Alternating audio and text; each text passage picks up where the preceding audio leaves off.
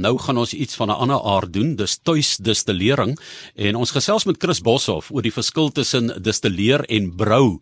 Nou hy vertel hoe groot die informele stokperdjie of amateur distilleerdery op die oomblik is en ehm um, die inperkings, dit is nou hier in die corona tydperk, het die bedryf omtrent laat groei. En ons hoor ook of jy 'n permit moet hê of nie. In die ou dae het die mense gesê met vir daai keteltjie 'n permit hê. So Chris, dis die dinge waaroor ons gaan uh, gesels vandag, maar kan ons eers hoor is daar mens mens brou mos bier en dan distilleer jy sê net maar wit hondjie, wit blits of mampoer en sulke dinge, né? Vertel vir ons uh, wat die verskil is. Ehm middag Johan, luisteraars. Ja, weet jy kyk, 'n mens uh, brou mos maar soos jy sê bier en dit kan wees van graan of pineappel, suurlemoen of enige iets. Ehm uh, en dan wat jy ook dan met daai selfe bier kan doen is dat jy dit dan nou kan distilleer. En ehm um, as jy nou kyk byvoorbeeld na dinge soos graan, gort, rog en mielies word gebruik vir whisky. Daar's verskillende tipes whisky. En natuurlik kan jy nou die koring of gort gebruik om 'n bier mee te maak. So kan jy druiwe gebruik vir brandewyn of witblits, uh verskeie vrugte vir mampoer en dan aardappels vir vodka, molasse vir rum en ehm um, suiker en bessies vir jenever of gin soos mense dit ken. So dit gee daai spesifieke smaak aan die produk. Dit gee die smaak aan die produk, maar in die informele sektor is daar uh nou werklik ware gebak en brou waar die mense allerlei uh geurmiddeltjies bysit en ehm um, eksperimenteer tot hulle nou tevrede is en uh resepte uitdeel en so aan. Ja, ek het by so 'n um, ehm, groepie uit deur gegaan en raak gesien van vrugte deur die ketel. En laat ek hmm. sê daai mense is 'n taamlike groot groep? En die vrae wat hulle daar vra is byvoorbeeld hoe werk beet as jy daarmee? Hoe werk turksvy as jy daarmee? Hoe werk? Dis die interessantste groente en vrugte eintlik enige ding van mielies enige ding waarmee hulle stook. Ek weet nie altyd of die eindproduk so so baie lekker is nie maar dit lyk my dis oneindige moontlikhede waarmee jy werk. Ja nee Johannes waar? Ek het tot nou die dag ou gesien wat gesê het hy het gestook met knoffel Nou, okay. Jy dit on. Het, het hy nog gesond? Ek weet nie wat kry jy daar uit nie, maar ja. Chris het hy nog vriende? ja, wel ek dink dink dalk het hulle nie COVID nie, jy weet. Of ver, maar of verkoue nie. ja, of verkoue. So enig, enigiets kan jy mee werk, maar dit gaan um, ook maar gemanipuleer moet word om aangenaam te wees. Ja, ek dink dit is belangrik ook om uh, te noem die verskil tussen die informele uh, distilleerdery Ehm um, en dan die die formele of die kommersiële ehm um, distilleerdery. Uh die distilleerde ehm um, distillering deur die in die kommersiële bedryf word gereguleer en daar kan jy nie iets maak en hom brandewyn noem as hy nie ten minste 3 jaar gelê het nie. En uh, dis nou net een voorbeeld, maar so is daar 'n voorbeeld vir verskeiende verskeie tipe dranke, maar die hoofding, die hoofverskil daar is dat ehm um, hulle mag nie suiker gebruik as hulle byvoorbeeld ehm um, met druiwewerk en brandewyn maak nie, waar in die ehm um, in die ehm um, gewone stokers by die huis, die ouens uh, gebruik gereeld suiker om want suiker is die ding wat fermenteer en dan nou vir jou 'n hoër alkoholpersentasie uh gee en en en en druiwe en goeders is duur. So wat die mense doen is hulle gebruik 'n bietjie druiwe, byvoorbeeld hulle brandewyn wil maak en 'n klomp breinsuiker en so kry hulle die hoë alkohol, maar nie al die smaak nie. Uh, interessant genoeg was daar 'n stadium waar mense se ketels as jy nie geregistreer was sê net maar by douane en aksyns nie dat hulle gate in die ketels so goed geslaan het. Nou hoe, hoe dit dan gewerk dat ketels byvoorbeeld vernietig is as dit onwettig was.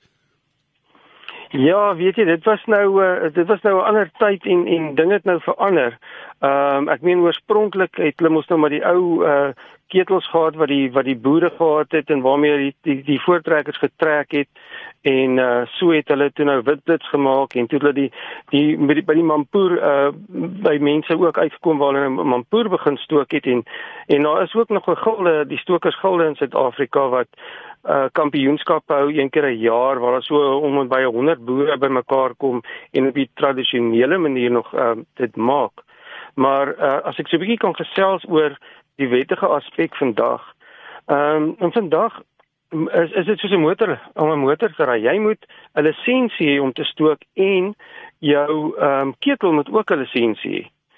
En daar is nou 'n 'n proses uh waar mense nou by SARS aansoek doen. Daar's 'n DA185 vorm en daar's 'n afdeling 15 en 12 wat ingevul moet word en uh, mense moet uh, belastingnommers en bankstate en munisipale rekenings en 'n foto van die stil en al daai dinge ingee. En ehm um, en ook mag hulle net 'n stil gebruik wat dan 'n plaadjie op het met 'n registrasienommer. So dis die reëls vandag en dis eintlik ehm um, ja, daar's baie mense wat nou seker nie daai reëls volg nie, maar daar is geweldige boetes van toepassing as 'n mens uh, sou uitgevang word en hulle gaan dit baseer op die grootte van jou stil en die potensiële hoeveelheid ehm um, distillaat wat jy daar uit kan kry. Maar mense baie keer vir huishoudelike gebruik doen hulle dit, is maar net 'n stokperdjie terwyl ander mense daarmee wil handel dryf. Neem aan ja. dan dan moet jy katvoet loop maar beide ja, in beide opsigte word dit gereguleer en dit is waar party mense nou nie ehm um, ingelig is nie. Met ander woorde, jou oupa op die plaas daar ver in die Karoo wat een keer 'n maand vir hom 'n paar botteltjies stook, self hy val onder hierdie reëls en selfs hy is veronderstel om geregistreer te wees om te kan stook en ook dat sy sy ou ketel wat 200 jaar oud uh, aangegee is, moet ook ehm um, geregistreer word. Dit dis die wetlike aspek. Chris Boshoff is stigter van Distilla High. Ons praat met hom oor 'n uh, tuis distillering en uh, dan ook die verskil tussen distilleer en brou wat hy vir ons reeds uitgelig het. Maar ehm um, mense wat wil toetree tot die mark of wat reeds in die mark is en nou maar net een dingetjie gestook het, maar hulle soek 'n bietjie afwisseling. Is daar 'n plek waar hulle kan inligting kry, 'n platform waar jy hulle resepte en idees uitruil? Ja, die uh, bedryf soos jy uh, net so 'n bietjie gesê het, het nogal heelwat uitgebrei ehm um, en en gegroei tydens die Grendeltyd.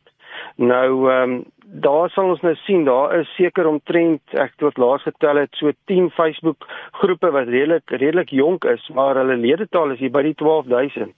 En ehm um, jy weet dis eintlik 'n baie sosiale sosiale stokverkie hierdie. Ehm um, die mense is baie vriendelik, baie hulpvaardig.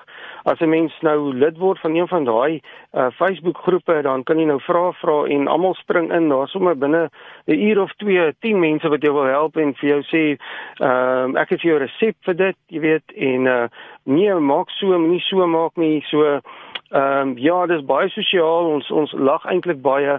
Ehm um, die mense is is gretig om te help en uh, en natuurlik het elke ou nou maar ook sy eie voorkeure en opinies.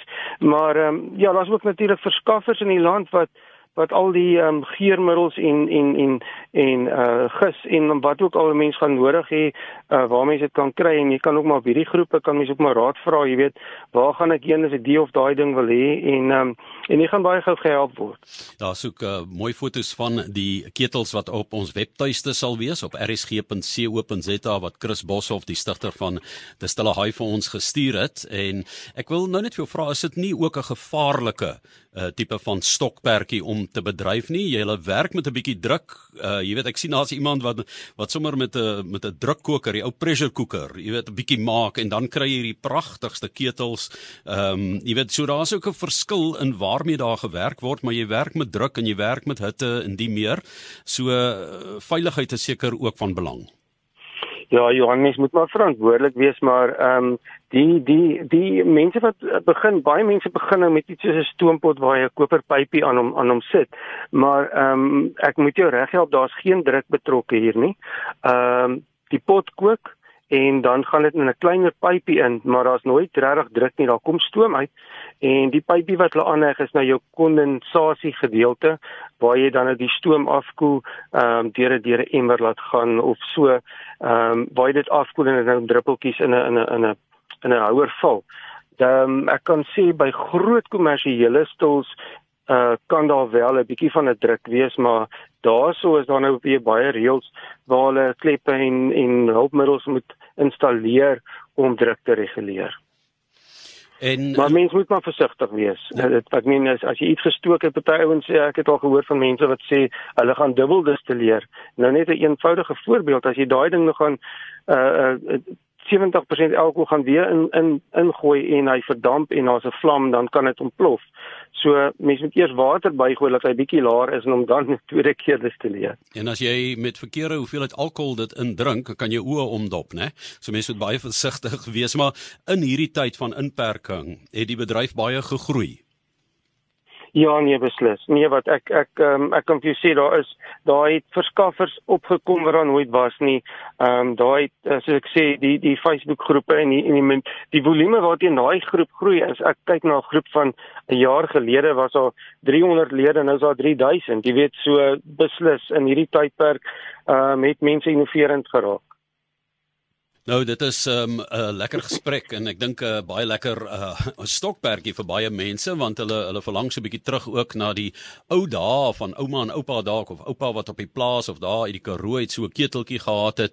En dit is Chris Boshoff met wie ons gesels het. Hy stigter van Distilla High oor die moontlikhede. Kry 'n mens iets soos 'n basiese toestelletjie soos 'n kit wat jy kan koop en mee kan begin? Is daar sulke dinge in die bedryf Ja, nee, daar's beslis. Ehm um, as ons nou wegbeweeg van die van die ehm um, stoompot af, dan uh, dan gaan 'n oue 'n trappie op en ehm um, daar's baie mense wat hulle wat hulle eie goed bou en ook op hierdie groepe is daar natuurlik mense wat wat plannetjies en so uitdeel en mens kan die diep as jy handig is, kan jy die parte net aankoop en self jou een bou of andersins is daar verskaffers soos ons waar mense kan aanklop en waar ehm um, van 'n beginners stelletjie en groter kan kry en en, en ek ek glo die mense in die in die bedryf ehm um, is almal baie jy weet bereidwillig om om te help met raad en daad. En mense het ook gesien dat mense ook handreinigingsmiddels met alkohol eintlik vir hulle gestook het in die tyd, né? Dit het nie net gegaan om die drink van die produk wat gemaak word nie, maar um, dit het was nogal redelik algemeen.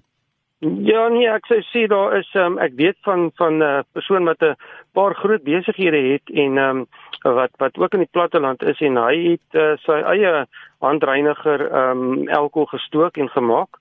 En uh, dan weet ek van 'n paar ander ouens se week gesê, hoor hierso maar stook jy wettig en toe sê hulle vir my nee man, ek maak mos net handreinigers. ja, okay. Ja, jy moet maar kyk of dit sal ehm um, hoe sal ons sê sal staan in die hof, né? Ja, so, ja. Ek of jy wel ek hoop die man kan ook staan in die hof. Maar um, Chris Boshoff met wie ons gesels, hy stigter van Distilla High. Mense kan gaan loer by distillahigh.co.za en uh, daar's 'n uh, lekker inligting en ehm um, goed om na te kyk daar. Maar ehm um, so jy het net ou verwys na uh, Witblits en Mampoer net so vinnig is amper soos die verskil tussen distilleer en brou, né? Ja, nee, dit is nou uh, dit is nou uh, waar die tradisionele ding vandaan kom en uh, en dit hang maar alles af wat jy in die pot gooi. As jy vrugte ingooi dan dan gaan jy mampoer uitkry. Dit wil perskus, ja. né? Ekskuus tog? Dit wil perskus. Dikwels perskus. Ja, mm. dit is tradisioneel uh perskus, maar daar daar word ook heelwat ehm um, heelwat ander vrugte word ook gebruik om mampoer mee te maak. Daai geel perskus. Hm. Ek ry daai daai reuk van die geel perskus en dan met die wit hondjie of die wit blits daar kyk jy na druiwe, né? Ja, kyk jy na druiwe ja, maar ons sien deesdae ehm um, wat die mense nogal baie van hou is om net suikerwater en hulle noem dit 'n sugar wash, om net suikerwater uh te destilleer. Ehm um, uh om dit eers gefermenteer te kry, sit jy nou so 'n bietjie van 'n voeding in saam met jou gis en dan destilleer hulle dit en dan maak hulle genever en uh jenever en jy sal seker weet dat gin in allerlei kleure en en geure is deesdae nog 'n redelike 'n mode mode drankie. So daai dit is een van die gewilde dinge wat um, wat ek teekom.